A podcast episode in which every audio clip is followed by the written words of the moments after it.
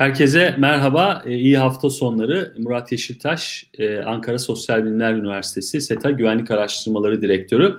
Bugün e, Gara operasyonu ve Gara operasyonu sonrasında Türkiye'nin terörle mücadelesini konuşacağız. Hepinizin bildiği gibi geçtiğimiz haftalarda Türkiye'nin devam eden terörle mücadele operasyonları bağlamında Gara bölgesine yönelik bir askeri harekat gerçekleştirildi. Bu harekatın birçok hedefi vardı. Ancak hedeflerinden bir tanesi son derece önemliydi. PKK'nın elinde uzun zamandan bu yana alıkonulan 13 Türk vatandaşını aynı zamanda kurtarma e, operasyonuydu. Ancak e, 13 vatandaşımız e, PKK tarafından e, kurtarılamadan katledildi. Aynı operasyonda 3 askerimizi şehit e, verdik. E, elbette e, operasyonun birçok e, yankısı oldu hem Türkiye içerisinde hem de Türkiye dışında özellikle de uluslararası ve bölgesel e, alanda birçok e, konuyu gündeme getirdi, tartışmayı gündeme getirdi. Başta Amerika Birleşik Devletleri'nin vermiş olduğu tepki olmak üzere bundan sonra Türkiye'nin Gara operasyonu sonrasında nasıl bir terörle mücadele e, politikası takip edeceği ve e, bu e, politikasında PKK ile mücadelesinin, Suriye'de YPG ile mücadelesinin hangi noktaya doğru evrileceği konuşuldu. Biz bugün bu e, operasyonu merkeze alacağız. Üç kıymetli konuğumuz var. E, birinci e, konuğumuz Ahmet Keser. Kendisi Hasan Kalyoncu Üniversitesi'nde öğretim üyesi. Hocam hoş geldiniz. Sağ olun hocam. İkinci, ikinci konuğumuz Can Acun. Kendisi SETA dış politika araştırmacısı. Uzun zamandan bu yana yakın coğrafyadaki çatışma konularını takip ediyor ve terörle e, ilgili olan gelişmeleri yakından takip ediyor. Bir diğer kıymetli konuğumuz da yine Hasan Kalyoncu Üniversitesi öğretim üyesi ve e, SETA güvenlik araştırmalarında araştırmacı olarak görev yapan e, yine terörle e, ilgili meseleleri, askeri meseleleri e, yakından takip eden e, bir isim Doktor Murat Aslan. Üç konuğumuz var. Dolayısıyla her biri e, terörle mücadele, terör operasyonları, terörün değişen karakteri, PKK, askeri çatışmalar konusunda uzmanlar. Bugün e, bu e, uzmanlıklarını da dikkate alarak e, son derece önemli bir konu olan, son derece kritik bir konu olan Gara meselesini ve Türkiye'nin terörle mücadelesini konuşacağız. Ben önce Ahmet Keser Hoca ile başlamak istiyorum. Hocam e, tabii ki e, karşımızda son derece bir taraftan üzücü bir hadise var. Her ne kadar operasyon sonrasında e, terör örgütüne ciddi bir darbe indirilmiş olsa da gerek e, kaybetmiş olduğu teröristler, e, etkisiz hale getirilen teröristler, gerekse de bu Gara bölgesinin kendi terör örgütü için stratejik önemde olma vasfını bu operasyondan sonra kaybetmiş olmasına rağmen nihayetinde 13 vatandaşımız da terör örgütü tarafından katledildi. Tabii bugüne kadar birçok e, buna benzer operasyon duyduk, e, takip ettik. E, ancak Türkiye'de bu kapsamlı, bu ölçekte bir operasyon sanırım e, ilk defa yaşanıyor. Belki de kapsam açısından, büyüklük açısından ilk defa yaşanıyor. Bizi dinleyenler açısından biraz bu e, kurtarma operasyonlarının mantığı nasıldır? Nasıl karar verilir? Bu kurtarma operasyonları nasıl icra edilir? Tehlikeler nelerdir? Riskler nelerdir? Acaba e, belki de Türkiye'nin e, tabii ki bu konuyla yakından ilgili olanlar hangi noktalarda önümüzdeki dönemlerde eğer böyle bir şey başımıza gelecek olursa hangi noktalara dikkat etmelidir? Buna dair bir çerçeve e, çizmenizi sizden istiyorum bu bağlamda ve bunun üzerine de bu Gara operasyonu, Gara operasyonu sonrası terörle mücadele, bölgede ne tür gelişmeler bizi bekliyor? Terör örgütünün e, muhtemel e, adımları neler olabilir? Nelere dikkat etmeliyiz gibi farkındayım birçok soru sordum. E, çok da uzun e, e, tabii ki kalmayacağız burada. Bizi izleyenleri de sıkmamak için. Biraz da interaktif bir e, program yapmaya çalışacağız. Hocam buyurun söz sizde. E, teşekkür ediyorum e, Sayın Hocam. Öncelikle e, sizlere ve tüm dinleyenlerimize de iyi akşamlar diliyorum. E, şöyle başlayalım isterseniz kısaca hani rehine kurtarma operasyonları ve onların mantığından başlayarak e, adım adım gidelim. Şimdi öncelikle tüm e, harekatlarda olduğu gibi rehine kurtarma operasyonlarının da e, yani tabii ki istihbarat, e, lojistik, personel ve harekat kısmı var ama burada istihbarat bir e, diyelim diğerlerine göre daha da ön plana çıkıyor. Yani o nokta istihbaratı kesin bulundukları yerin saptanmış olması e, ve buna dayalı olarak geri kalan bütün o personel, lojistik ve harekatın planlanması çok önem taşıyor. Ve genellikle e, taşımış olduğu yüksek risk dolayısıyla ancak diğer bütün alternatifler tükendiyse ve son çare olarak genellikle ve e, hani rehinelerin hayati tehlikesi ön plana çıkıyorsa e, genellikle buna karar vericiler ancak o durumlarda karar verirler. Yoksa son dakikaya kadar defalarca pazarlıklar denenir. E, işte canlı teslim almaya yönelik her türlü e, karşı taraf üzerinde e, bütün e, opsiyonlar, alternatifler denenir.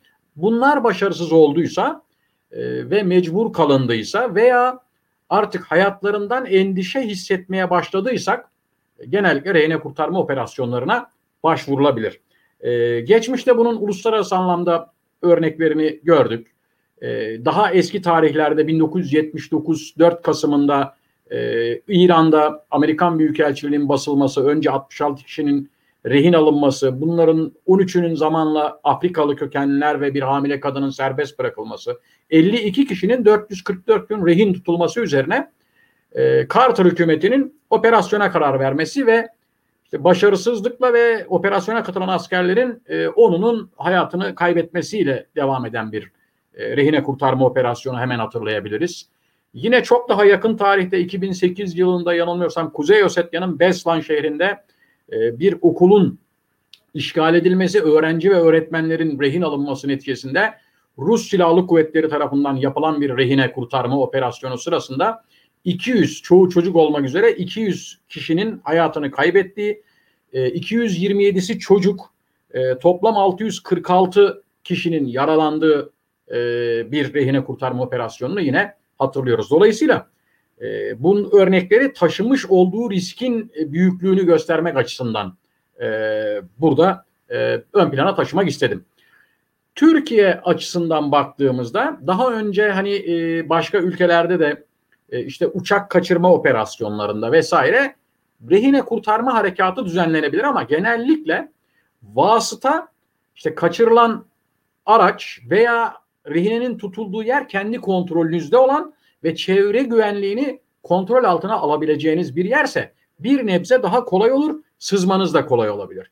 Şimdi bu harekat aslında dünyada da bu yönüyle hemen hemen ilklerden bir tanesi. Yani bir kere dışarıda bir yerde, teröristlerin kontrolünde olan bir yerde, dağlık bir arazide ve bir mağaranın içinde. Bir kere çok iyi istihbaratın olması lazım ki nokta olarak inilen yerin doğru çıkmış olmasından bunun iyi olduğunu ve gerek yer fotoğrafları gerek e, hava fotoğrafları ve e, haber elemanlarıyla teyit edilmiş bir bilgiye dayalı olarak gidildiğini buradan e, görüyoruz. Dolayısıyla bu anlamıyla istihbari yönden oldukça iyi bir hazırlık yapıldığını söyleyebiliriz. Bunun dışında şimdi bu operasyonlardaki en kritik noktalardan birisi bizim yani harekatı yapan tarafın kontrolünde olmayan ancak diğer tarafın kararına bağlı olarak şekillenen e, bazı durumlar var. Yani harekatın başladığı, anlaşıldığı ve açığa çıktığı andan itibaren rehinelerin canlı teslim edilip edilmemesi veya oraya girene kadar e, geçecek sürede e, rehinelerin hayatına kastedilip edilmemesi durumu işte bu harekatı icra eden grubun kendi inisiyatifi dışında gelişen bir durum ve risk de burada başlıyor. Yani burada örneğin mağarayı kontrol eden gruba önceden verilmiş bir talimat muhtemelen vardır. Yani herhangi bir harekatın başladığını hissettiğiniz anda rehineleri sağ olarak teslim etmeyin şeklinde bir talimat önceden verilmiş olabilir ki bu oldukça yüksek bir ihtimaldir. Veya harekat açığa çıktığı andan itibaren e, böyle bir talimatla gelmiş olabilir. Çünkü harekat aslında eş zamanlı olarak öncelikle bu noktaya başka bölgelerden yardımın gelmesini vesaireyi de önleyecek şekilde Gara'nın tamamına bir hava harekatının başlaması ve bu noktaya uçar birlik harekatı ve halatla indirmeyle beraber başlayan e, bir harekat ve burada da e, çok riskli bir harekatı aslında e, bütün bu çatışmayı kabul etmesine rağmen terör örgütünün e, başarıyla sürdürdüklerini görüyoruz. Ancak içeride maalesef bir teröristin vermiş olduğu karar sonucu terör örgütü tarafından katledilen vatandaşlarımız var. E, burada üç de harekatı icra eden e, özel kuvvetler timinden iki yüzbaşı bir başçavuşumuz olmak üzere üç de orada şehidimizin ortaya çıktığını görüyoruz. Şimdi Gara'nın bulunduğu bölgeden ve koşullardan da belki biraz bahsetmek lazım. Şimdi harekatlar sırasında genellikle karadan sızma yapılabilen birinci hat kamplar e, uzun süredir Türk Silahlı Kuvvetleri'nin yapmış olduğu çeşitli harekatlar e, ve oraya yerleşme neticesinde biraz daha örgüt tarafından kullanılamaz veya kullanımı zor hale getirildi. Yani bu birinci hatta bulunan işte Metina, Zap, Avaşin Basyan, Hakurk e, sırasındaki kampları bunun içerisinde sayabiliriz. Bunların gerisinde yer alan Gara ve Kandil en geride artık e, üzerinde nüfuz edilmesi gereken alanlar olarak ortaya çıktı. Gara biraz daha Metina'ya göre biraz daha geride. E, 35 kilometre kadar filan geride. Geçmişte de aslında e, 90'lı yılların sonlarında biz e, Peşmerge ile beraber ortak icra edilen harekatlarda e, Gara bölgesinde o zaman Saddam Hüseyin'in sarayının bulunduğu bölgeye vesaire çeşitli harekatlarda e, karadan harekatlarda e, girişilmişti. Yani hem Metina'ya hem Gara bölgesine ancak o tarihlerden sonra hava harekatı dışında çok fazla bir harekat yapılmamıştı. Dolayısıyla bu harekatla beraber artık bir kere e, maalesef keşke canlı olarak e, buradaki vatandaşlarımız da kurtarılabilseydi. Bu olmadı. Ancak örgüt de şunu anlamış oldu. Gara ve Kandil dahil. Bundan sonra hiçbir noktada rahat değil ve bundan sonra herhangi bir uçak sesi veya helikopter sesi duyduğunda sadece bir hava harekatı olup olmayacağından da emin değil. Yani bundan sonra gelen uçak veya helikopterle beraber hemen arkasından bir kara harekatı olup olmayacağından emin olamayacak. Dolayısıyla yerleşmesi, bir yerde sabit kalması bütün bu hususlar ve hareket alanı biraz daha kısıtlanmış oluyor bu şekliyle diyebiliriz. E, bu anlamda bu riskli harekatlara karar vermeden önce bilmediğimiz yönleri olduğu için harekatın yani karar verici neden buna karar verdi? Bunda da şuradan bir örnek vereyim. Daha önce biliyorsunuz Musul hadisesinde e, konsolosluk personelimiz bu sefer DAEŞ tarafından, IŞİD tarafından kaçırılmıştı. O zaman da ilk kaçırıldığı andan itibaren İHA'larla kaçırıldıkları noktaları tespit edilmişti. 8 defa yer değiştirdi rehineler. Yani IŞİD tarafından yer değiştirildi. Her seferinde hem bir taraftan rehineleri canlı olarak kurtarabilmek için olası bir tehdit anında hazırlıklar, operasyon hazırlıkları sürdürüldü. Ancak şöyle düşünün. iki gün, üç gün bir yerde tutuluyor. İki gün, üç gün bütün özel kuvvet timleriniz, haber elemanlarınız her şey yoğunlaşıyor. Oraya operasyon yapacak şekilde çalışıyorsunuz. İki gün sonra başka bir yere geçiyorlar. Her şey değişiyor. Bütün koşullar değişiyor. Tekrar oranın koşullarına uygun. Mesela birisi nehir kenarında, birisi kale bölgesinde, birisi olimpiyat binasında. Farklı yerlerde, farklı coğrafi koşullarda. Kimine nehirden sızma, kimine paraşütle sızma, kimine uçar birlik farklı harekat planlıyorsunuz ve bütün koşullar değişiyor. Dolayısıyla eğer teslim edilmezse rehineler bir kurtarma operasyonu yapmak gerekiyorsa istihbaratın en net olduğu, kesin olduklarını bildiğimiz bir yerde ve harekatın da en avantajlı olduğu yerde artık yapmak gerekebiliyor. Bunu da karşı tarafa stresle hissettirebilirseniz tıpkı Musul hadisesinde olduğu gibi teslim olma, teslim etme cihetine gidebiliyorlar. Bu Musul'da mesela sonuç verdi. Yani orada harekat yapılacağına ilişkin baskı ve bunun karşı tarafa hem e, istihbarat teşkilatımız hem Dışişleri Bakanlığı kanalıyla hissettirilmesi, Yargıtay vasıtasıyla da tüm hazırlıkların yapılması ve bunun hissettirilmesi rehineleri teslim etme gibi bir karar almalarına e, zemini hazırladı. Fakat burada bunu göremedik. Çünkü terör örgütü muhtemelen rehineleri sağ teslim ettiği takdirde Türkiye'de ele geçirdikleri, o yakaladıkları andan sınır ötesine götürdükleri yere kadar geçtikleri yollar, kendilerine yardımcı olan milisler, yardımcılar vesaire bütün bunların açığa çıkacağı endişesiyle muhtemelen hiçbir zaman sağ teslim etmeye yanaşmayacaktı. Yani bütün bu şu ana kadar devam eden pazarlıklardan anlaşılan sonuç bu olunca son çare olarak artık 5 yıl 6 yıl gibi de bir zaman geçince e, bu harekata girişilmeye ve bu riski üstlenmeye karar alıcı mekanizma karar verdi muhtemelen. E, maalesef karşı taraftaki terör örgütü DAEŞ'in yaptığı gibi bir hale, e, hal tarzı yerine tersini seçti. E, kendisinden de beklendiği gibi. E, ancak askeri anlamda ve istihbarat anlamında harekatın diğer amaçlarının yani rehinelerin canlı kurtarılması dışındaki amaçlarının başarılı olduğu şeklinde bir sonucu burada çok rahatlıkla söylemek mümkündür diye noktalayayım.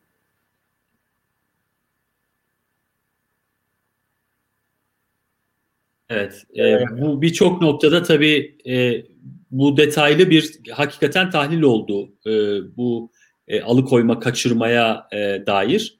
E, şimdi isterseniz biraz bu bölgesel jeopolitikle devam edelim, Can'la e, devam edelim. Hocam yeniden size döneceğim. Can, e, tabii sen de yakından takip ettin e, olayları. Evet. E, evet. Tabii burada e, yani hem Türkiye'nin terörle mücadele operasyonları açısından yeni bir durum söz konusu. Elbette 2-3 e, yıldır çok yoğun bir terörle mücadele söz konusuydu. PKK'nın hareket kabiliyetini ciddi anlamda daraltan, Türkiye'ye yönelik saldırılarını neredeyse e, sıfıra indiren, e, adam devşirme, eleman devşirme, eleman kazanma gibi PKK'nın yöntemlerini Türkiye ayağında işlemez hale getiren, PKK'yı Kuzey Irak'a sıkıştıran bir terörle mücadele operasyon mantığı söz konusuydu. Tam bunları konuşurken Gara e, hadisesi yaşandı.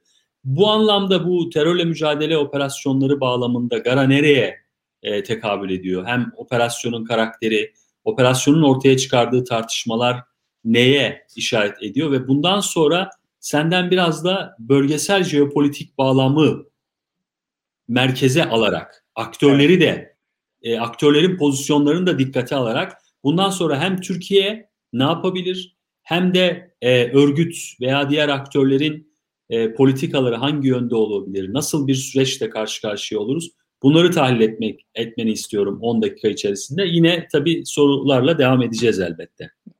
Evet. Karadan e, başlayalım sorduğun evet. sual çerçevesinde.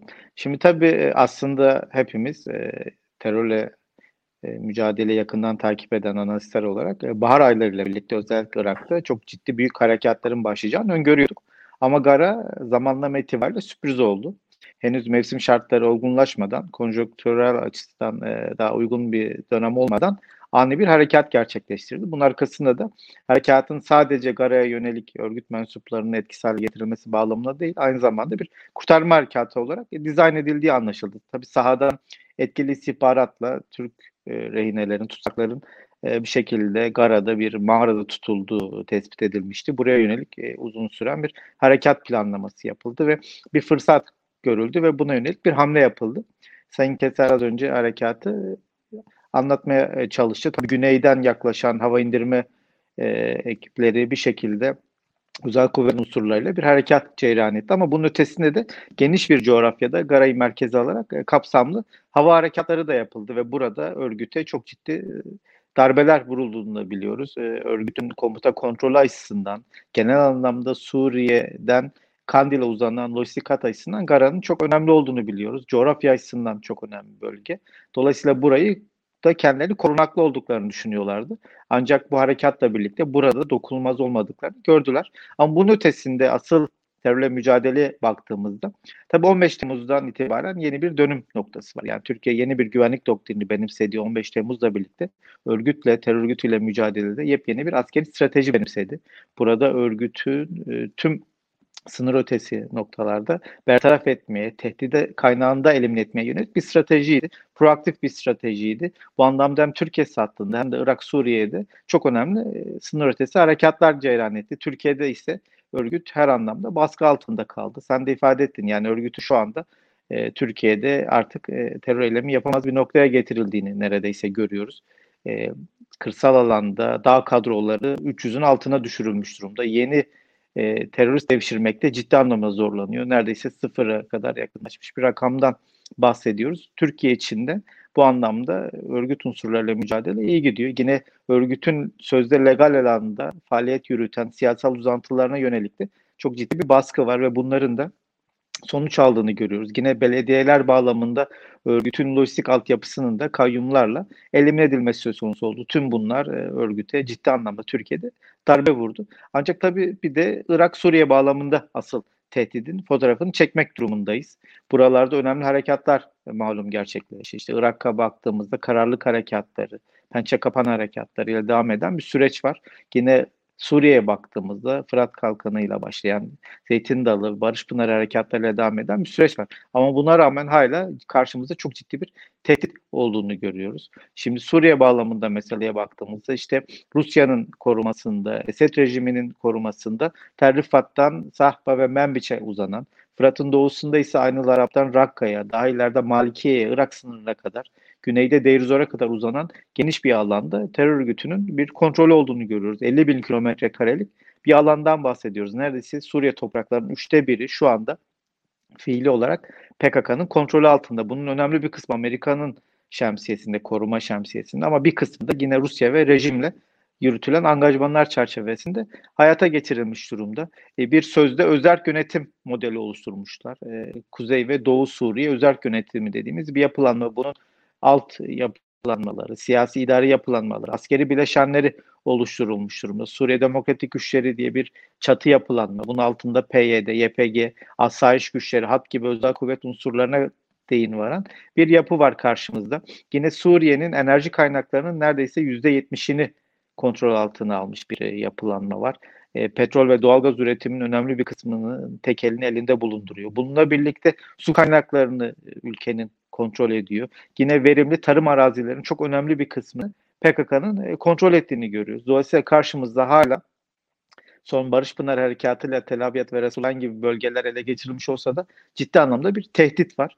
Bunun ötesinde şimdi haritada da görüyoruz Irak, Irak bağlamında da Türkiye evet çok önemli kazanımlar elde etti. Özellikle Türkiye sınır hattında PKK'nın medya savunma alanları olarak ifade edilen bölgelerde ciddi anlamda örgüte darbeler vuruldu ve Türkiye ilk defa bu bölgelerde artık alan hakimiyetini benimseyecek şekilde konuşlanmaya başladı. Daha önceki operasyonlardan farklı olarak daha önce içeriye girilir, örgüt temizlenir, ardından bölge boşaltılır.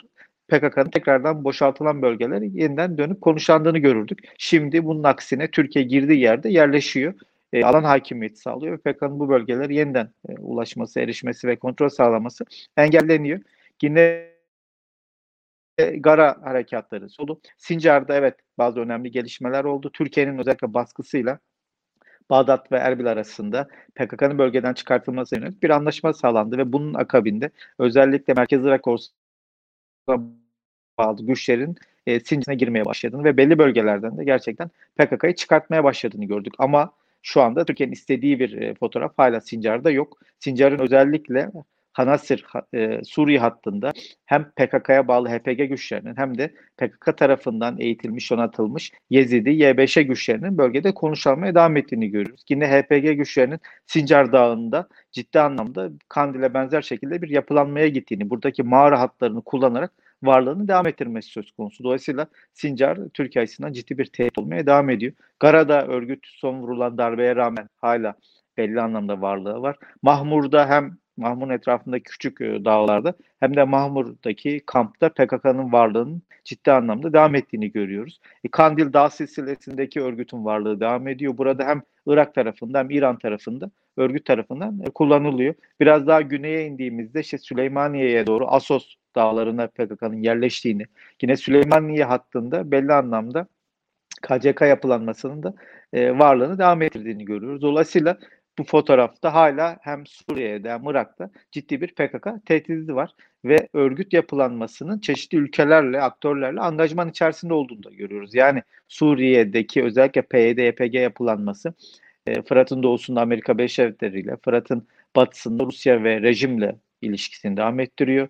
Ee, Irak'a geçtiğimizde KCK üs yapılanmasının özellikle son dönemlerde İran'la yine ve İran'ın alt e, örgütlenmeleri özellikle Irak'taki haşhabi unsurlarla angajman içerisinde olduğunu görüyoruz. Mesela Türkiye'nin işte Sincar olası bir harekatının konuşulduğu bir dönemde e, bir anda haşhabi unsurlarının mobilize olmaya başladığını ve Sincar'da konuşanarak e, Türkiye'ye karşı açıklamalar yaparak Türkiye'nin olası harekatını engellemeye yönelik bir hamle içerisine girdiklerini görüyoruz. Dolayısıyla buradaki denklemde Türkiye'nin mücadelesi sadece doğrudan PKK ile değil, PKK ile birlikte ve PKK'nın çeşitli versiyonlarıyla angajman kuran e, hem bölgesel hem küresel aktörlerle devam ediyor. Tabii bu tehditle birlikte Türkiye'nin önünde fırsatlar da var. Yani bunu ifade etmek gerekiyor. Bir defa Türkiye'nin içinde örgütün bu kadar ağır darbeler almış olması, e, ciddi anlamda terör eylemi yapma kapasitesini yitirmiş olmaları sadece terör unsurları ve dağ kadrosunun değil aynı zamanda legal anlamda faaliyet göstermeye çalışan söz yapılanmaların da ciddi anlamda edilmesi baskı altına alması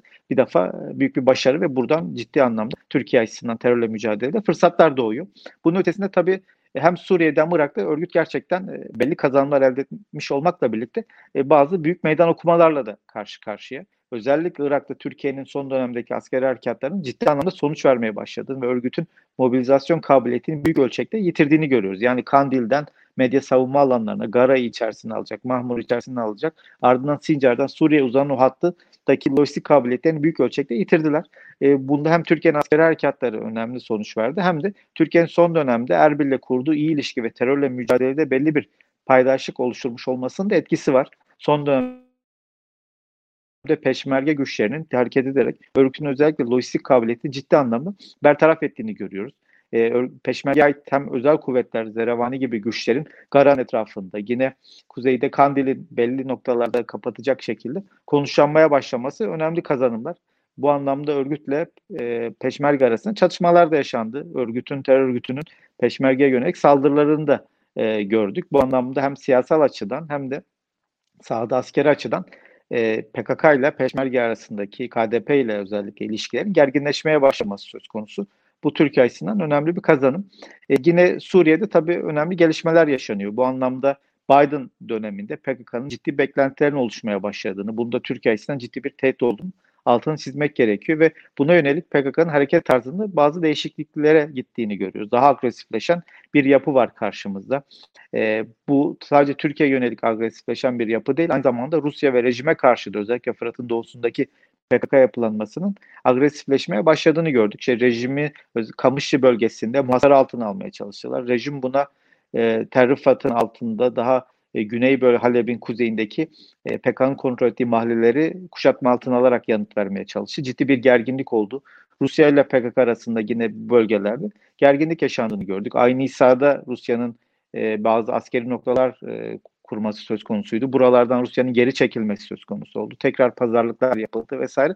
Ancak burada şu var yani PKK'nın Amerika ile olan angajmanı PKK'ya Rusya ve rejim karşısında bir maliyet de üretiyor ve Türkiye açısından bu çeşitli fırsatların oluşmasına neden oluyor. Dolayısıyla Türkiye'nin bunu iyi okuması lazım. Diğer bir mesele ise bence altını çizmemiz gereken özellikle Kandil'deki KCK üst yapılanmasıyla Suriye'deki PYD, YPG yapılanması, SDG yapılanması arasında e, bazı gerginliklerin oluşmaya başlaması. Özellikle burada Amerika Birleşik Devletleri'nin KCK'yı e, kendisi için bir yük olarak görmeye başlaması ve e, PYD-YPG üzerindeki komuta kontrolünü zayıflatmaya, elimine etmeye yönelik bazı adımlar attığını gördük. İşte KCK'nın Suriye'deki ana adamı olan Sabri Okun bölgeden çıkartılma çabası, yine Ma Şahin Cilo, Mazlum Abdi ile KCK arasındaki ilişkilerde Mazlum Abdi'yi daha fazla kendi güdümüne alma çabası kendisini gösteriyor. Buna da KCK'nın çeşitli yanıtlar verdiğini gördük. İşte sahada YPG'nin kontrolünü almaya yönelik bazı adımlar attılar. Yine son dönemde PYD ile ENKS arasında yani Barzani'ye yakın muhalif Kürtler arasında yürütülen görüşmelerin baltalanmasını yönelik KCK'nın adımlar attığını gördük. Mesela doğrudan e, KCK'nın kontrolünde olan devrimci gençlik yapılanmaları sahada e, NKS ofislerine saldırılar gerçekleştirdi. Bu çok önemli bir işaretti ki o süreci yani PYD ile NKS görüşmelerinin aslında sponsoru ve garantörü Amerika Birleşik Devletleri. Buna rağmen atılan adımlar söz konusu oldu. Dolayısıyla Amerika Birleşik Devletleri'nin benim gördüğüm bu hareket tarzı Türkiye'ye çeşitli fırsatlar o veriyor terörle mücadelede. Bunu iyi okuma gerekiyor. Yine NKS'nin e, Fırat'ın doğusunda PKK alanlarında güçlenmeye başlaması, e, Türkiye açısından bir fırsat. Bunları da terörle mücadelede önemli e, bir anlamda Türkiye'nin e, kullanması gerekiyor diye düşünüyorum açıkçası. Evet Can teşekkürler. Gerçekten e, çok e, geniş kapsamlı bir analiz sundun bize. PKK'nın sadece bir Irak meselesi olmadığını çok net ifadelerle aktarmış oldun. E, artık PKK e, söz konusu olunca e, bölücü terörün bölgesel bir bağlamı olduğunu bilmek lazım. Murat Aslan'la devam edeceğiz şimdi. Murat Aslan da bize özellikle bu Gara operasyonu ile ilgili hocam bir dönüm noktası şeklinde analizler yapıldı. Yani evet. Gara operasyonunun dönüm noktası olduğunu bundan sonra e, Türkiye'nin terörle mücadelesinde çok başka bir e, e, döneme gireceğimizi e, söyleyenler, analiz edenler oldu.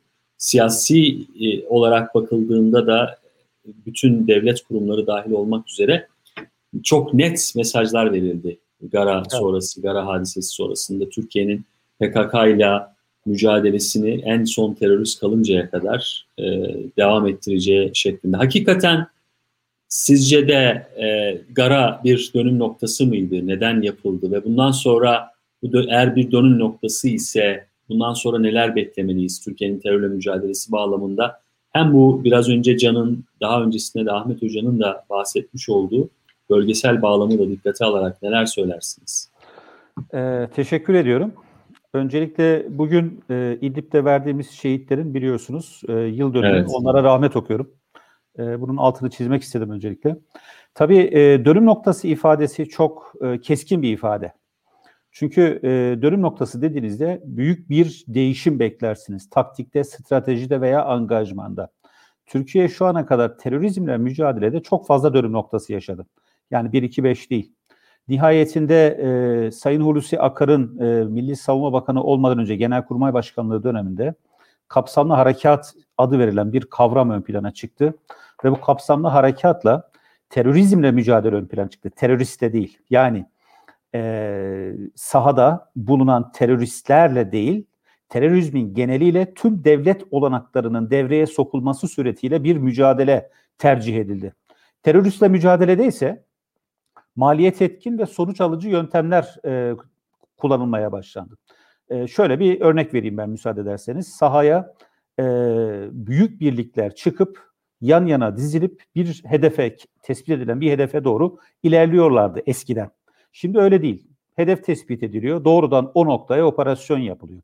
Çünkü e, terörizmle mücadelede hedef eğer terörist ise o takdirde galip geliyorsunuz. Çünkü araziyi ele geçirmek, belirgin bir bölgede alan hakimiyeti kurmak bir yere kadar size güvenlik sağlayabilir ve geçici güvenlik sağlar. Ancak teröristi doğrudan hedef alırsanız o takdirde e, teröristle mücadeleyi yani devletin yaptığı terörizmle mücadeleyi bir sonraki merhaleye taşımış olursunuz. E, bu nedenle eskiden e, şöyle bir genel olarak kısa kısa ifade edersek işte temas, tespit, takip, tecrit, imha olarak benim listelediğim bir süreç vardı. Ee, önce teröristle temas kuracaksınız, sonra tespit edeceksiniz, yani sabitleyeceksiniz bir yerde. Hareketliyse takip edeceksiniz, tecrit edeceksiniz, sonra imha edeceksiniz. Şimdi şu an geldiğimiz aşamada bu beş safhalı süreç evet uygulanabilir ancak kendi içerisinde bir devinim geçirdi ve artık temas ve imha aynı anda yapılmaya başlandı. Yani herhangi bir terörist bir noktada tespit edilip temas sağlandığı an imhaya yönelik tedbirler alınıyor. Dolayısıyla kapsamlı harekatın askeri strateji bağlamında yeni bir dönem içerisinde olduğunu ifade etmek lazım ve Gara'da bu yeni strateji bence en önemli e, emarelerinden, örneklerinden, vakalarından bir tanesi. Peki Gara'nın başka ne gibi özellikleri vardır? E, şöyle birkaç konu başlığı şeklinde ben e, ifade etmek istiyorum. Şimdi bir kere Gara'yı ele alırken sadece Irak'ta belirgin bir alanda yani 25'e 75 kilometre uzunluğu ve derinliği olan bir alanda yapılan bir askeri operasyon olarak düşünmemek lazım. Gara'ya yapılan operasyon evet alıkonulan vatandaşlarımızı kurtarmak için yapılmıştır ama sadece onun için değil. Onun yanında çok geniş bir bölgede terörist unsurların o bölgede e, etkisiz hale getirilmesi, imha edilmesi daha kibar konuşmamak lazım artık, imha edilmesi amaçlanmıştır. Öte yandan bu operasyon yoluyla siyasi mesajlar verilmiştir. Aynı zamanda da bölgedeki siyasi dinamiklere yönelik uygun koşulları hazırlayacak adımlar atılmıştır. Yani Gara operasyonu sadece özel kuvvetlerin icra ettiği ve alıkonan vatandaşlarımızı kurtarmaya yönelik bir operasyon olarak algılanmamalı. Bunun önce bir altını çizmek lazım. İkinci konu yine Gara operasyonunu ele aldığınızda çok geniş bir alanda muhtelif noktalara ve uygun vasıtalarla etki edildiğini e, anlıyoruz. Bu hava kuvvetleri olabilir, bu farklı ateş destek sistemleri olabilir, bu özel kuvvet unsurlar olabilir veya başka unsurlar olabilir. Bu ne demek? Demek ki artık terörist odaklı elde edilen istihbaratın e, üretilmesi ve nihayetinde o e, bulgular ışığında bir operasyonun veya operasyonlar serisinin icra edilmesi söz konusu. Şimdi Afganistan Talib Afganistan'da Taliban'ın yaptığı bazı saldırılarda e, koordineli saldırılar şeklinde bir ifade kullanılır. Amerikalılar tanımlar. Şimdi silahlı kuvvetlerle kuvvetler de teröristle mücadelede aslında bu koordineli saldırı, koordineli operasyon mantığını şu an ger- gerçekleştirdi. Zaman, mekan ve kuvvet bağlamında. Zaman bağlamında bir noktaya operasyon icra ederken aynı anda başka bir noktada başka bir faaliyet icra ediyor ve kuvvet bağlamında birbirlerini tamamlayacak şekilde sinerjik bir etki yaratmaya çalışıyor. Dolayısıyla aslında e, günün koşullarına uygun ve modern bir teröristle mücadele e, zihniyetinin şu an için yerleşmiş olduğunu ifade etmek lazım. Tabii burada e, çok önemli bir ayrımı da hatırlamakta fayda var. Türkiye son e, 10 yıldan bu yana yaklaşık e, yurt içerisindeki teröristle mücadele operasyonlarını İçişleri Bakanlığı, yurt dışındaki operasyonları ise Milli Savunma Bakanlığı e, aracılığıyla icra etti. Bunun farklı nedenleri var. En önemli neden teröristle mücadele yurt içerisinde bir aynı zamanda suçla mücadeledir. Polis ve jandarmanın gerektiğinde askerden destek almak suretiyle icra ettiği operasyonların hiçbir e, hukuki sıkıntısı olmaz. Ama yurt dışında eğer icra ediyorsanız doğal olarak e, Türk Silahlı Kuvvetleri devreye girebilir ve e, ilgili uluslararası anlaşmaların verdiği yetkiyle operasyonlar icra edebilir. Bu ayrımın dolayısıyla sadece bir işbirliği değil, aynı zamanda demokratik bir devletin, hukuk devletinin gereği olduğunu da hatırlatmakta fayda var. Ee, Ahmet Köser hocamın ifade ettiği bu kurtarma operasyonlarına özellikle değinmek lazım. Şimdi bu kurtarma operasyonları e, silahlı kuvvetlerin, özellikle özel kuvvetlerin icra ettiği en zor görevlerdir. Çünkü e, belirgin bir noktada bir çok iyi e, istihbarat üretimi gerçekleştirmeniz lazım. Çünkü e, basit bir örnek vereyim. İşte yine Afganistan örneğinden hareket edeceğim. Bir sürü kaçırılmış batılı insan var idi geçmişte. Bunların sürekli yerleri takip ediliyordu. Farklı haber elemanları aracılığıyla hiçbir zaman da doğru çıkmıyordu. Yani bir operasyon yapmayı bırakın o kişinin yerine yönelik bir haber elde etmek mümkün değildi. E, şimdi şu an için e, vatandaşlarımızın tutuldukları bu mağaranın yeri, krokisi net olarak çıkarılmış. Yani burada müthiş bir e, istihbarat hazırlığı var. Bunu kabul etmek lazım. İkincisi, kurtarma operasyonlarını icra ederken doğal olarak siz aynı zamanda sizle mücadele eden, size direnç gösteren unsurların tercihleriyle de boğuşursunuz. Ve bu sizin kontrolünüz altında değil.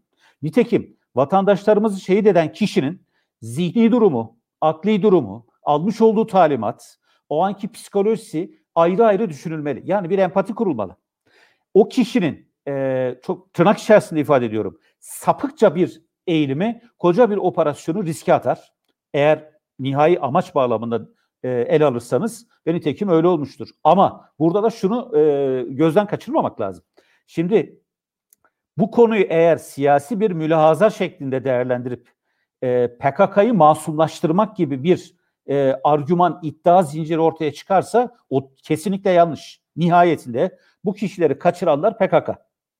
Bu kişileri kaçırmayı mütakip muhtelif noktalar arasında yer değiştirenler PKK. 6 yıl bir yerde tutup herhangi bir şekilde iade etme e, taraftarı olmayan PKK. Bu insanlarımıza ele geçirmeyi mütakip bir sorgulama icra etmişlerdir mutlaka. Ne yaptıklarını bilmiyoruz. Ve nihayetinde tuttukları yer bir mağara. O e, mağaranın haritasını eğer ekrana tekrar verebilirlerse orada çok ilginç bir şey var. Onu da ifade etmekte fayda olduğunu düşünüyorum. Şimdi bakınız mağaranın içerisinde havalandırma diye bir yer var. Duş ve havalandırma diyor. Nasıl bir havalandırma? Kapalı bir ortamda öyle bir şey yok. Rehine olarak isimlendirilen vatandaşlarımızın dikkat ederseniz farklı noktalarda tutulduğunu, bunları belki sadece mağara içerisinde mekan değiştirmek adına farklı noktalara götürüldüğünü ben anlıyorum bu haritadan. Yani böyle bir ortamda yaşayan insanın ne olursa olsun e, diyebileceğini de değerlendiriyorum. O, o halde o halde bu operasyonun riski yüksek ve maalesef risk gerçekleşti. Ama bu husus kesinlikle PKK'yı masumlaştırmaz. PKK'nın gerçek yüzünü ortaya koyar. Bunu özellikle altını çizmek istiyorum. Şimdi istihbarat bağlamında Garay'ı çok iyi ele almak gerekiyor. İstihbarat denilen şey bir yere gönderilen bir ajanın, bir casusun veya bir kişinin vermiş olduğu bilgi değildir. Komplike bir sistemdir sizin ne öğrenmek istediğinizi, nasıl araştıracağınızı, kiminle araştıracağınızı veya hangi vasıtayla araştıracağınızı net olarak planlamanız lazım. İcra etmeniz lazım. Sonra onu o kadar ince bir analiz sürecinden geçirmeniz lazım ki ince bir kevgir gibi düşünün. Alta düşen o ince zerrecikleri bir araya getirdiğinizde yine istihbarat olmaz ona bir şekil vermeniz lazım. Şimdi bu operasyonda bu e, kurtarma operasyonuna yönelik ön koşul bilgilerinin net bir doğrulukla elde edilmesi Irak'ta artık PKK'nın rahat uyuyamayacağı istikametinde güçlü bir sinyal veriyor bize. Yani Murat Karayılan eğer yüzüstü yatıyorsa sırtından şüphe etmeli. Şu andan itibaren. Çünkü PKK içerisinde, dışarısında, bölgede ne olursa olsun artık e, zamanında Yaşar Büyükanıt'ın ifade ettiği gibi biri bizi gözetliyor evinde olduğunu hissedecektir terör örgütü ve buna göre de tedbir alacaktır. Büyük bir ihtimalle. Diğer bir e, husus özgün yeteneklerin kullanılması. Şimdi burada Sayın e, Milli Savunma Bakanı özellikle mühimmatla ilgili tespitlerde bulundu. E, ben bu konuya özellikle e, vurgu yapmak istiyorum. Çünkü siz bir operasyon icra ederken eğer bir komutan veya asker sıktığı merminin hesabını yapıyorsa ve e, bir şekilde idareli kullanın gibi bir mesaj geliyorsa siz operasyonda başarılı olamazsınız. Ve hatta daha ileriye gideyim. Operasyonu planladığınız süreç bir iki günden, üç günden daha fazla olamaz. Uzatamazsınız bir aya, iki aya. Çünkü kritik mühimmat tükendiğinde unsurlarınızda hassasiyet başlar, zafiyet başlar. O yüzden o mühimmat vurgusunda aslında silahlı kuvvetlerin bu nevi teröristle mücadele harekatlarını uzun süre farklı noktalarda ve uzaktan destekleyecek şekilde yürütebileceği ortaya çıktı.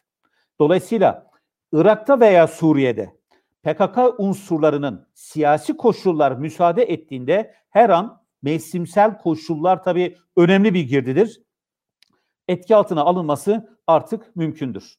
Diğer bir konu e, kurtarma operasyonu olması hasebiyle çoğunlukla diğer ordularla karşılaştırma genel olarak tercih edilen bir yöntem. Ben burada iki tane olayı mutlaka değerlendirmek gerektiğini düşünüyorum. Bunlardan bir tanesi Bin Laden, diğeri Bağdadi'dir. Bu iki olayı karşılaştıramazsınız bu operasyonla. Çünkü oradaki amaç e, Amerikan zihniyetini net olarak ifade etmek istiyorum şu an burada. Ölü veya diri ere geçirilmesi. Bu terim sadece batılı kovboy yani kovboy filmlerinde geçen bir terim değil. Halen Amerikan zihniyetinde o yazılmış olan emirlerde kullanılan bir ibaredir. Yani oraya giden insanlar e, o hedef olarak tespit edilen kişileri öldürmek için gitmiştir. Ama burada kurtarma var. Yani karşılaştırmak doğru değil. Bir diğer konu yine Gara operasyonu ile ilgili önemli bir konu bence. Bu 15 Temmuz hadisesi silahlı kuvvetlerden ihraç edilenler ve şu geldiğimiz süreçte yani 15 Temmuz'dan yaklaşık 4,5 yıl sonra böyle bir operasyonun silahlı kuvvetler tarafından elit seçkin birliklerle icra edilebilmesi. Çünkü özel kuvvetlerde e, bayağı FETÖ'cü çıktı ve bunlar ihraç edildi. Şu an çoğu da hapishanede. Ve şu an silahlı kuvvetler e, genç üyelerini, genç mensuplarını, subay ve as subaylarını ve uzman çavuşlarını e, yetiştirmiştir ve bu operasyonları bu elit birliklerle icra etmeye başlamıştır. Yani artık Türkiye'nin 15 Temmuz'dan mütevellit hassasiyeti, personel hassasiyeti marjinalize edilmiştir. Tabii ki daha çok yapılacak işler var. Şu an ekranda e, terörizmle analiz platformunda PKK'nın Türkiye'nin güneydoğusunda ve Irak, Suriye bölgesinde icra ettiği e, eylemleri görüyorsunuz. Tekrar e, getirirlerse. Şimdi bakınız Türkiye'nin bu eylemlere yönelik gerçekleştirdiği operasyonlar var şu an ekranda. Terörizmle analiz platformunda bu operasyonları eğer ele alırsanız ben yayına katılmadan önce bir süzme yap, bir filtre uyguladım.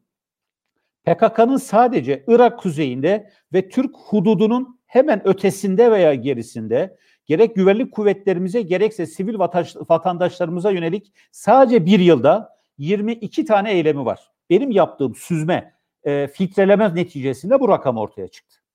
Ne demektir bu? 22 tane eylem 22 tehdit anlamına gelir. Yani bu tür operasyonların yapılması için bir gerekçedir artık bu husus. Bunun da altını çizmekte fayda olduğunu düşünüyorum. Sayın Hocam e, geleceğe yönelik iki cümle sarf edeceğim. Sonra sizi size bırakacağım. Tabii ki. Şimdi birincisi daha agresif olma beklenmeli dönüm noktası bağlamında. Çünkü PKK'nın artık bitirilme vakti gelmiştir. Ve askeri çözümün tek çıkış yolu olduğu ortaya çıktı artık. Dolayısıyla PKK'nın ne tedbir alacağı mutlaka takip edilir. Ancak daha agresif, yüksek değerde hedeflere yönelik e, girişimler yapılabilir. İkincisi, Türkiye'nin genellikle ihmal ettiği, bunu bir öz eleştiri olarak ifade ediyorum. Nitekim gelen sorulardan bir tanesi şu, e, hukuk. E, hukuk konusu bence çok önemli. Türkiye, uluslararası hukuk mekanizmalarını terörizmi bir iç güvenlik meselesi ve iç hukuk meselesi olarak algıladığı için çalıştırmıyor. Evet, hukuki olarak böyle bir husus e, kendi içerisinde meşruiyete sahip olabilir. Ama terör örgütüne yurt dışında destek vermiş ancak terör örgütünü terör örgütü olarak tanımış kişi, kurum, devlet bunlara yönelik hukuki mekanizmaların mutlaka çalıştırılması gerektiğini düşünüyorum. Hukuk devreye girdiğinde bu kişi, kurum veya devletlerin geri adım atması bence mutlaka söz konusu olacaktır. Ve dış destek konusunu net olarak şu an müsaade ederseniz son olarak ifade edeyim. Amerika Birleşik Devletleri, Rusya, İran e, ve hatta Irak ve Kürt bölgesel yönetiminin şöyle veya böyle terör örgütüyle irtibatı var, e, diyaloğu var ve bu husus Türkiye açısından kabul edilmez. Dolayısıyla şu andan itibaren e, bu kararlılığın net olarak sert güç bağlamında ifade edilmesi gerektiğini düşünüyorum. Bir de geri planda görülmeyen aktörler var. Örneğin Yunanistan açıkça ifade etmiyor ama Yunanistan'da mevcut PKK'lı teröristlerin rakamını bilmiyoruz hala. Lavrion kampında. Birleşik Arap Emirlikleri... Bu kamp açık mı hocam hala? Evet açık. Aktif ee, mi yani? Aktif tabii aktif. Yunanistan'da hala hazırda terör örgütünün varlığı var. Çünkü terör örgütünün Avrupa ile irtibatında Yunanistan önemli bir zıplama tahtasıdır. İkincisi Birleşik Arap Emirlikleri. Özellikle altını çizmek gerekir, gerekir bu hususun. Çünkü Birleşik Arap Emirlikleri Amerika Birleşik Devletleri aracılığıyla Irak'taki PKK unsurlarına e, 200-250 milyon dolar civarında şu ana kadar para aktardı. E peki bu para Suriye'de mi kaldı? Hayır, PKK'nın elinde şu an. Dolayısıyla isterse Türkiye'de, isterse Suriye'de, isterse Irak'ta silah mı alır, mühimmat mı alır, eğitimi yaptırır, bir şey mi tedarik eder veya evet. hibe edilir? E, buna da e, dikkat etmek lazım. Dolayısıyla e, istihbari bu bilgilerin, emarelerin ispat edilip hukuk karşısına çıkarılmasında fayda var. Teşekkür ediyorum. Evet ben teşekkür ederim. Şimdi e, çok fazla zaman kaybetmeden hem izleyicilerimizin sorularını özetleyerek e, yine konuklarımıza sorular yönetmek istiyorum. Hem de kendim birkaç tane soru var aklımda. Onları sormak istiyorum konuşmalardan, değerlendirmelerden çıkardığım. Tam e, da bu noktada Ahmet Hoca'yla devam edeceğim. Murat Hoca'nın e, bıraktığı yerden aslında orayı açmak lazım. Acaba açarsak nasıl bir değerlendirme yaparsınız? Şu mesele, e, son dönemlerde hakikaten sayının çok yukarı doğru çıktığını görüyoruz. Özellikle aranan terör örgütü mensuplarının kırmızı listeden, mavi listeden, gri listeden, turuncu listeden hedef alındığını, bunların e, Milli İstihbarat Teşkilatı ve e, Genelkurmay Başkanlığı, Milli Savunma Bakanlığı ortak operasyonlarıyla e, hedef e, adeta alındığını ve e, imha edildiğini görüyoruz. Yüzden fazla rakam var e, açık kaynaklardan topladığımız. Önemli de isimler var. Bundan sonra bu tür e, faaliyetleri daha çok mu göreceğiz? Ve bu e, bir e, literatürde dekapitasyon, decapitation olarak tarif edilen bu yöntem PKK gibi bir örgütün daha fazla zayıflamasında hatta çökmesinde etkili olabilir mi? Ee, teşekkür ediyorum hocam. Ee, çok güzel bir soru. Ee, yani bu bence etkili olabilir mi değil, etkili olabilecek en önemli hususlardan bir tanesi. Yani örgütün e, az önce Murat hocam yüksek değerlikli hedef dediği evet. aslında beyin kadrosunun alınması. Yani beyni aldıktan sonra uzuvların orada kalmasının önemli bir e, tarafı yok. Dolayısıyla bu konu esasen e, son ne diyelim 5-6 yıldır üzerinde çalışılan hani haberleşmelerini nasıl takip edebiliriz, yerlerini nasıl bulabiliriz, yerlerini elektronik sistemlerle kestirdikten sonra e, başka hangi kanallardan teyit edebiliriz şeklinde çalışılan konulardan bir tanesi. Ama gerek teknolojik e, gerek elektronik e, yetenekler ve gerekse Irak'a yerleşme seviyesi arttıkça bu konudaki yerlere yönelik net bilgi düzeyi de artacaktır ve ancak ondan sonra etkili e, operasyonlar yapılabilecektir. Bu bir taraftan o beyin kadrosunu yavaş yavaş çökertirken ikincisi üzerindeki stres yükünü artıracağı için rahat çalışamamalarını, rahat karar verememelerini e, ve aynı zamanda da örgütün altında üst kadrolara duyulan güveni azaltacağı için katılımları iyice negatif bir düzeye düşürecektir. Dolayısıyla hmm. bundan sonra e, harekatın o hani dönüm noktası için e, dönüm noktası mıdır değil midir önemli e, kararlar verilmesi gerekir diye yine Murat Hocam altını çizmişti. Bu anlamda e, yüksek değerlikli hedeflerin ön planda olacağını hatta bu isimlerden e, önümüzdeki dönemde e, imha edilmiş olan, sağ ele geçirilmiş olan veya ölü ele geçirilmiş olanları sırasıyla göreceğimizi söylemek pekala mümkündür diye değerlendiriyorum. Bir de tabii bu devşirme meselesi de önemli bir taraftan. Evet Türkiye üzerinde etkisini artık e, yitirdiğini görüyoruz. Bir taraftan da tabii toplumsal bir e, karşı duruş var. Diyarbakır anneleri gibi çok son derece natürel, e, sosyolojik bir vaka bu devşirme süreçlerini de minimize etmiş durumda ama örgütün hali hazırda Suriye'yi kontrol ettiğini, işte Irak'ta Sincar gibi bölgelerde e, çok fazla e, kaynağa sahip olduğunu terörist devşirme açısından. Yani bu Türkiye'de kaybetse bile bu bölgelerde devşirmeye devam ediyor. Bu, bunu nasıl yani engellemek lazım? Ee, yani yine e, Türkiye'deki taktiğin bir benzeri ama sınır ötesinde doğrudan sizin e, güvenlik unsurlarınızın etkisinde olmayan bir bölgeden bahsediyoruz. Dolayısıyla e, şimdi Irak'ta bunu biraz daha yapmaya çalışıyorlar. Yani be, gerek Barzani ile gerek federal hükümetle e, daha sıkı e, bir işbirliği ve koordinasyon geliştirilmeye çalışıldı. Suriye kuzeyinde bunu bazı bölgelere bizzat kendi yaptığımız operasyonla o bölgeleri kontrol altına almaya çalışarak e, sağladık. Ama Kobani bölgesinde Amerikan etkisi ve Kobani ile beraber ve kısmen Aynı İsa bölgesinde ve daha güneyinde burada biraz sıkıntımız var. Dolayısıyla burada önümüzdeki dönemde muhtemelen Türkiye ve Rusya arasında bu alanda işbirliğinin arttığını, hmm. yerel anlamda oraya daha fazla yerleşmeye çalıştığımızı görmek mümkün olabilir. Çünkü e, Biden yönetiminin bu e, grupları birleştirme e, teşebbüslerinin teşebbüs aşamasında bırakılması gerekiyor. Yani birleşecek grup kalmaması gerekiyor her şeyden önce ve bu grupların beyin Aa, gücünü olması gerekiyor. Evet, e, Can, e, buradan hareketle izleyicilerimiz de soruyor. E, tabii PKK'ya odaklandık ama YPG'yi de unutmamak lazım. Son haftalarda çok e, e, saldırı söz konusu.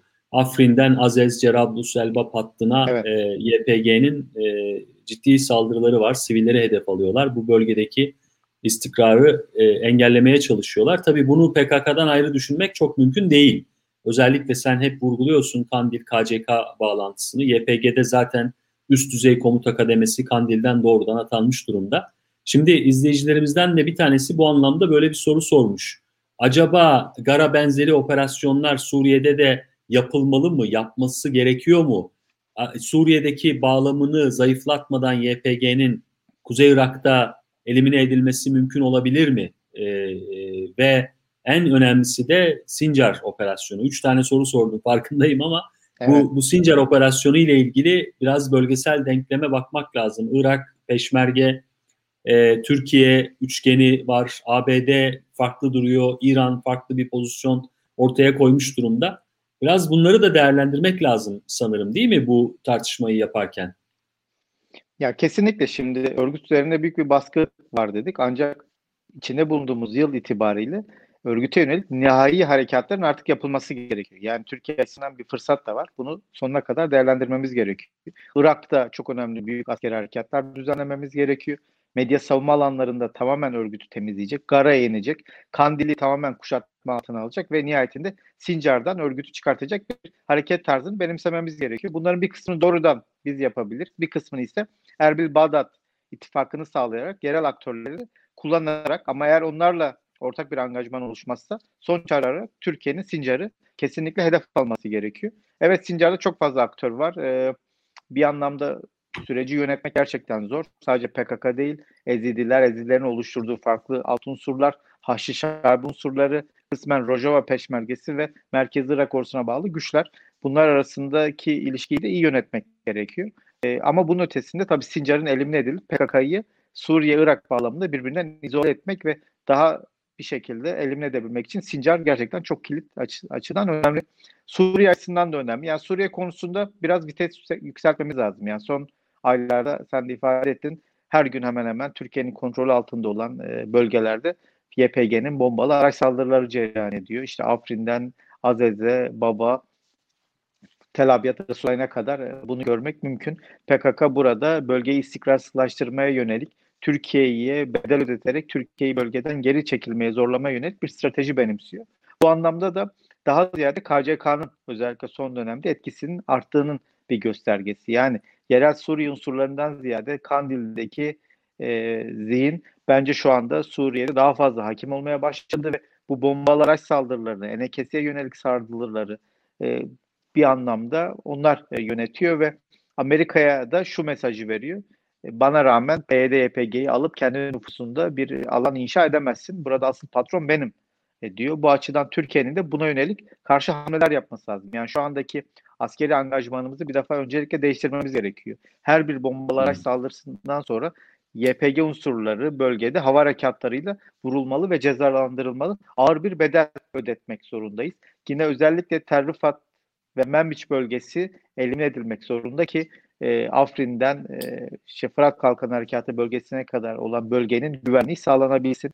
Yine Tel Abyad ve Resulayn'da istikrarlı bir alan oluşturmak istiyorsak en azından M4 hattındaki Aynisa ve Teltemir bölgesinin örgütten temizlenmesi gerekiyor. Bunlar sağlandıktan sonra tabii bunun ötesinde e, daha önce Ruslarla yaptığımız bir anlaşma vardı. Soçi Anlaşması çerçevesinde 30 kilometre derinlikteki bir alanın terörden temizlenmesi gerekiyordu. Bunun hayata geçmediğini gördük.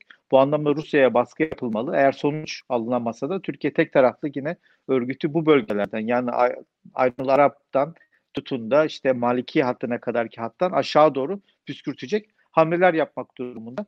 E, bunun ötesinde işte PKK'nın kırılganlıklarını ve zayıflıklarını kullanmamız gerekiyor. Yani Türkiye'nin şimdi Zor Rakka'ya bir asker harekat yapması çok muhtemel değil. Ama bölge demografisi tamamen PKK'nın aleyhine. Yani şu anda PKK'nın kontrol ettiği bölgede yaklaşık 2,5 milyon insan yaşıyor ve bunların 1,5 milyonu Araplardan oluşuyor. Yine geriye kalan Kürtlerin de önemli bir kısmı PKK'ya muhalif unsurları destekliyor. Dolayısıyla bu demografik kırılganlıkları kullanmak, Arap aşiretlerini Türkiye'ye karşı organize etmek e, gibi Türkiye yetenekleri de var. Terörle mücadelede dediğim gibi Irak'ta önemli asker harekatlar yapmak, Sincar'ı elimine etmek, yine e, Merviş Tarifat hattını, aynı İsa Teltemir hattını temizleyip güvenli bölgelerin istikrarını sağlamak. Diğer alanlarda ise PKK'yı e, bir şekilde zayıflatacak. Bölgedeki Arap aşiretlerini demografiyi kullanarak PKK'yı Burada araya girmek gerekiyor. istiyorum.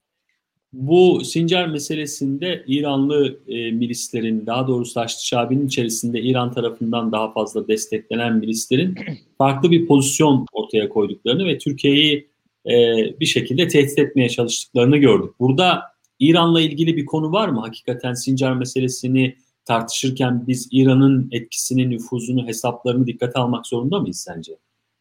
Var tabii doğru. Yani İran Türkiye'ye yönelik hem Suriye hem Irak'ta e, mütakip seferler hamleler yapmaya devam ediyor. İşte Afrin harekatında gördük İran'a bağlı e, Şii milisler Nubul Zehra üzerinden bölgeye gelmeye ve PKK'ya karşı bir kalkan oluşturmaya çalıştılar. Ancak Türkiye onları yönelik askeri bir hamle yaptı ve geri çekildiler.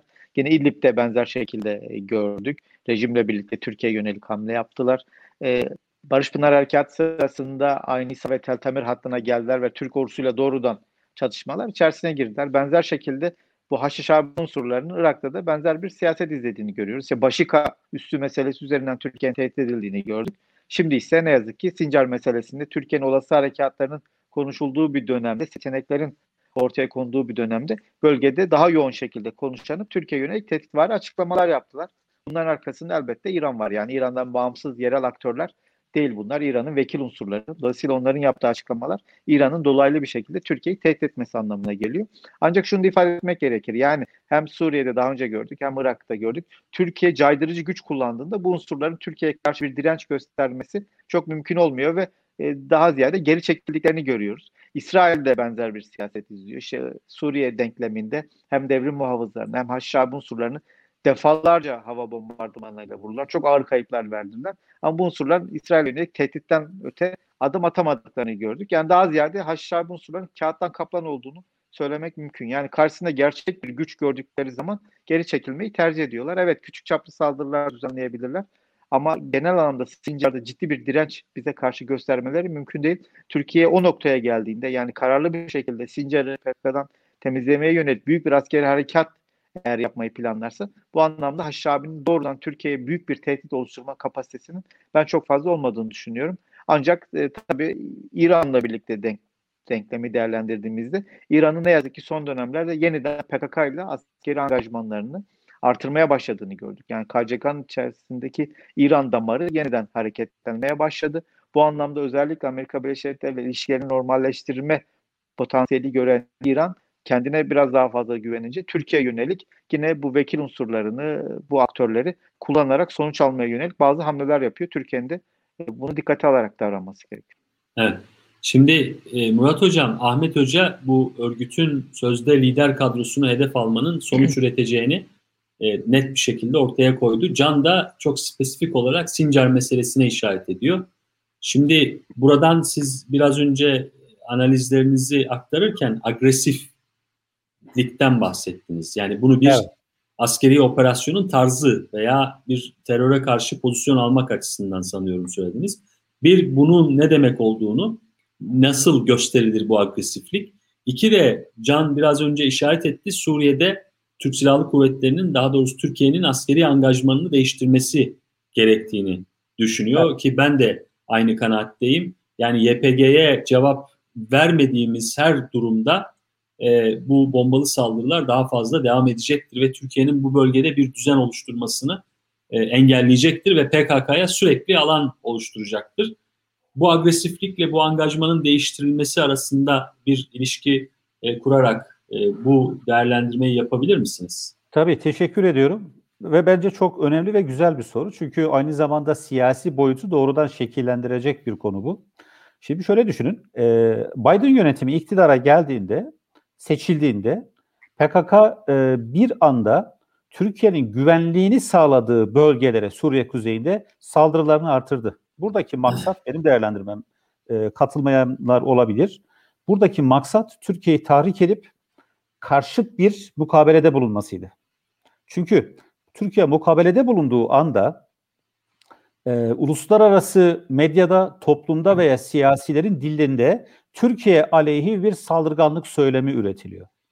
O takdirde siz eğer bu saldırılara cevap verirken cevap verememek durumunda kalıyorsanız yapılan saldırılar size kar olarak kalıyor. Zarar hanesinde daha doğrusu zarar hanesine yazılıyor. Mukabelete bulunduğunuzda bu sefer karşıt argümanlarla Türkiye'yi tamamen e, münferit ve fevri hareket eden bir aktör konumuna indirgiyorlar. Ama şimdi bakınız şöyle bir olay var. Türkiye 1984'ten bu yana e, terörle mücadelede çok fazla can kaybetti. Bu sorunun bir 40 yıl daha yaşanması Türkiye açısından ne ekonomisini, ne siyasetini, ne neyini düşünürseniz düşünün pek e, tolere edilebilir bir gerçek değil. Şu an için Irak'ta PKK varlığına yönelik koşulsuz mukabil harekatlar icra edilmesine sıkıntı yok. Ancak Suriye'de sıkıntı var. O zaman Türkiye'nin siyaseten ortamı bir şekillendirmesi lazım. Hı hı. Bu da nedir? Bir, Irak'ta sizin herhangi bir kişiye danışmanıza gerek yok. PKK varsa operasyon icra edilir ve acımadan doğrudan merkezine, beynine Ahmet Hoca'nın ifade ettiği gibi gerekli mukabelede bulunulmalıdır ve bu sadece mukabele de olmamalıdır. Çünkü Ama hocam burada demek Irak'la Irak'la bir koordinasyon var değil mi? Merkezi hükümetle bir koordinasyon var şüphesiz yani. Şüphesiz var. Şüphesiz var. Ancak olmak zorunda mı? Bu konu ayrıca hmm. tartışılması gerekir. Çünkü Irak yönetimi koordinasyonda bulunuyor. Daha sonra Türkiye egemenlik hakkımızı çiğnedi şeklinde açıklama yapıyorlar. Çünkü Irak'ta, evet. Irak'ta çok bulutlu bir şey var. E, siyasi söylem var. Şimdi Suriye'ye gelince Suriye'de manzara çok ilginç ve Amerika Birleşik Devletleri'nin işte Haseke'de özellikle konuşlanma talebi de biraz e, Türkiye'nin böyle bir yönteme başvurup başvurmayacağı konusundaki o kaygılardan kaynaklanıyor.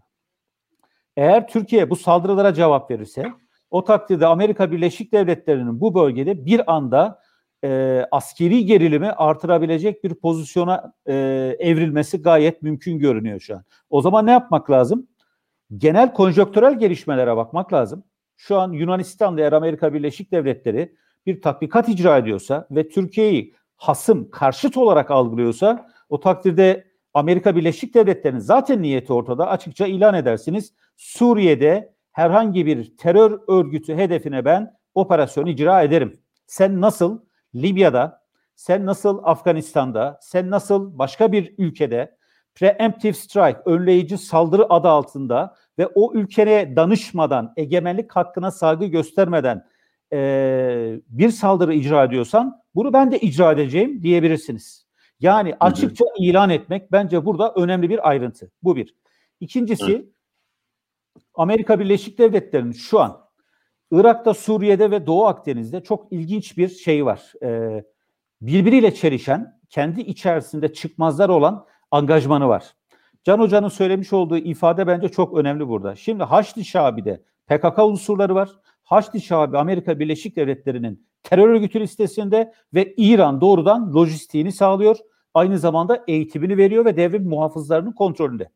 Aynı Amerika Birleşik Devletleri Haçlı Şabi'nin içindeki e, PKK'lılar aracılığıyla Sincar üzerinden e, Suriye'ye malzeme naklediyor. Yani Haçlı Şabi'nin içerisindeki PKK'lılar bunlar. Ve e, bir nevi terör örgütü olarak ilan ettiği Haçlı Şabi ile işbirliği yapıyor aslında. Şimdi yani bu, orada sanırım yani terör örgütü Haçlı Şabi'nin içerisinde 50'ye yakın örgüt var. Onlardan bir kısmını e, terör örgütü listesine almış durumda. Yani Haçlı Şabi bir yapı olarak henüz terör örgütü olarak ilan etmedi sanırım. Ama bildiğim in, kadarıyla yani, bilemiyorum yani bir bütün olarak evet. bir bütün olarak Ama terör örgütü ilan etmiş değil. Yani siz İran'ı İran'ı hasım olarak ilan ediyorsunuz. Ama evet. İran'ın desteklediği unsurlarla e, Tabii. PKK işbirliği yapıyor ve siz bunu tolere ediyorsunuz. Yani şimdi burada e, bir mantık yok yani. Amerikalılar ne yapmaya çalışıyor? Şimdi sen eğer İran'ı tehdit olarak algılayıp Suriye'de asker bulunduruyor ve İsrail'in uzaktan güvenliğini sağlamaya çalışıyorsan o zaman senin e, desteklediğin örgütün elemanlarının Haçlı Şabi içerisinde ne işi var? Doğru. Başka bir konu. Başka bir konu. Bir ee, şimdi ben seyircilerin gelen sorularına da bakıyorum hocam. Ee, çok Hı-hı. ilginç bir e, tespit yapacağım eğer müsaade ederseniz. Şimdi gelen soruların konu başlıklarını tek kelimeyle nasıl özetleyebilirim dedim. Gelen sorular için de herkese ayrı ayrı teşekkür ediyorum. Şimdi evet. bakınız uluslararası kamuoyu, sosyoloji, psikoloji, finansman, algı, finansman, algı evet. yönetimi, hı hı. siyasi aktörlerin e, durumu, askeri harekat, konjonktör, FETÖ. Şimdi e, 3, 6, 9 tane konu başlığı var. İşte terörizmle mücadelede bu 9 konu başlığı şu an Türkiye açısından bence önemli. Evet. Tek zaten izli, iz, izleyicilerimiz diyorsun zaten tespiti ve genel çerçeveyi Aynen, çizmiş. Tespiti yapmış.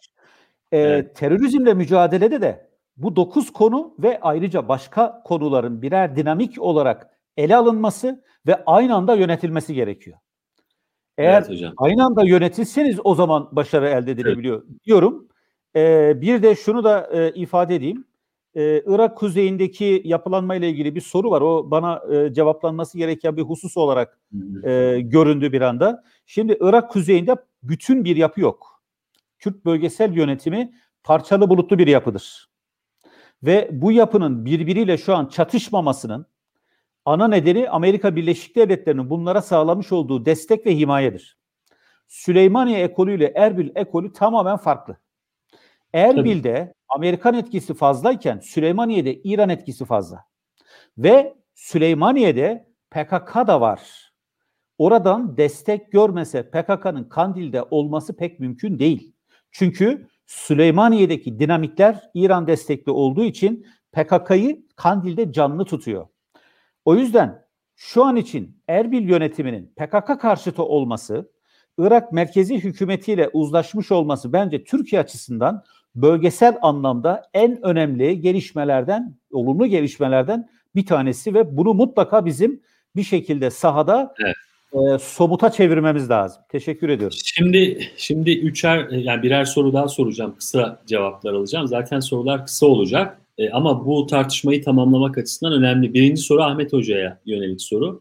Hocam e, YPG PKK ayrıştırma projesi. Amerika Birleşik Devletleri artık bu, bu politikanın hem e, gerçekleşebileceğine inanıyor hem de bunu bizatihi uygulamaya çalışıyor sahada. sahada. Ne kadar gerçekçi? Çok net ve basit bir soru olarak sormak istiyorum. Daha fazla e, bir çerçeve çizmeden. Ee, ve ne? Sonucu ne olur? Yani Türkiye'nin terörle mücadelesi açısından sonucu ne olur tabii? Öncelikle e, bizim açımızdan hiçbir gerçekçiliği olmadığı ortada. Ancak Amerika bunu hani e, bugüne dayalı bir unsur da değil. Hani Sykes-Picot'dan beri devam eden Batı'nın planlarının sanki bir e, Büyük Ortadoğu projesinden itibaren yeniden vücut bulmuş şekli gibi bu. Aslında Irak ve Suriye'yi üçe bölerek yönetme konusunda son dönemde akademik makalelerde falan ortaya koydukları haritalarda bakarsak iki ülkeyi beraber düşünüyorlar. Yani iki ülkeyi beraber hmm. üç parçaya bölerek yönetme projesinin bir parçası gibi bu.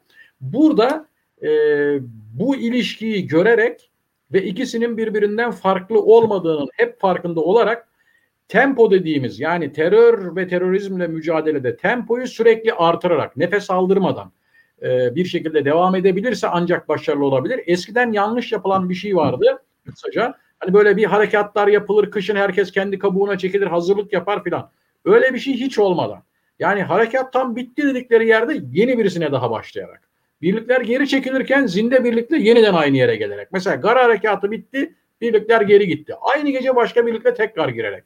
Yani bu şekilde çok üstüne şok ve tempoyu artırarak ve lider kadroyu kesinlikle yok ederek ancak buradan sonuç alınabilir.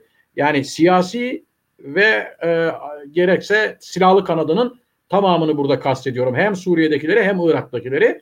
Hı. Yine Can Hoca'nın da söylediği bir şey vardı orada.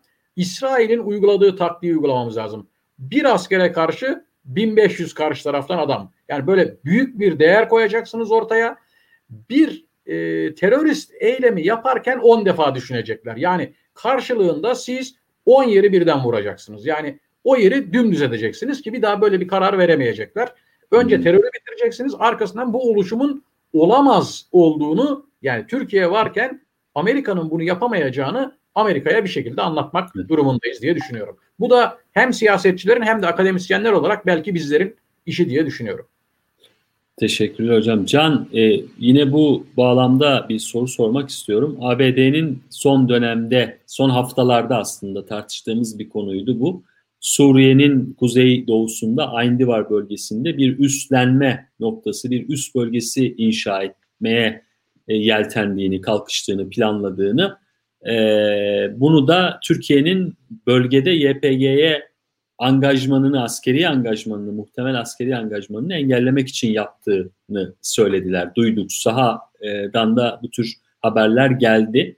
Daha sonradan tabii ki e, açıklama yalanlandı. Açıklamayla yalanlandı.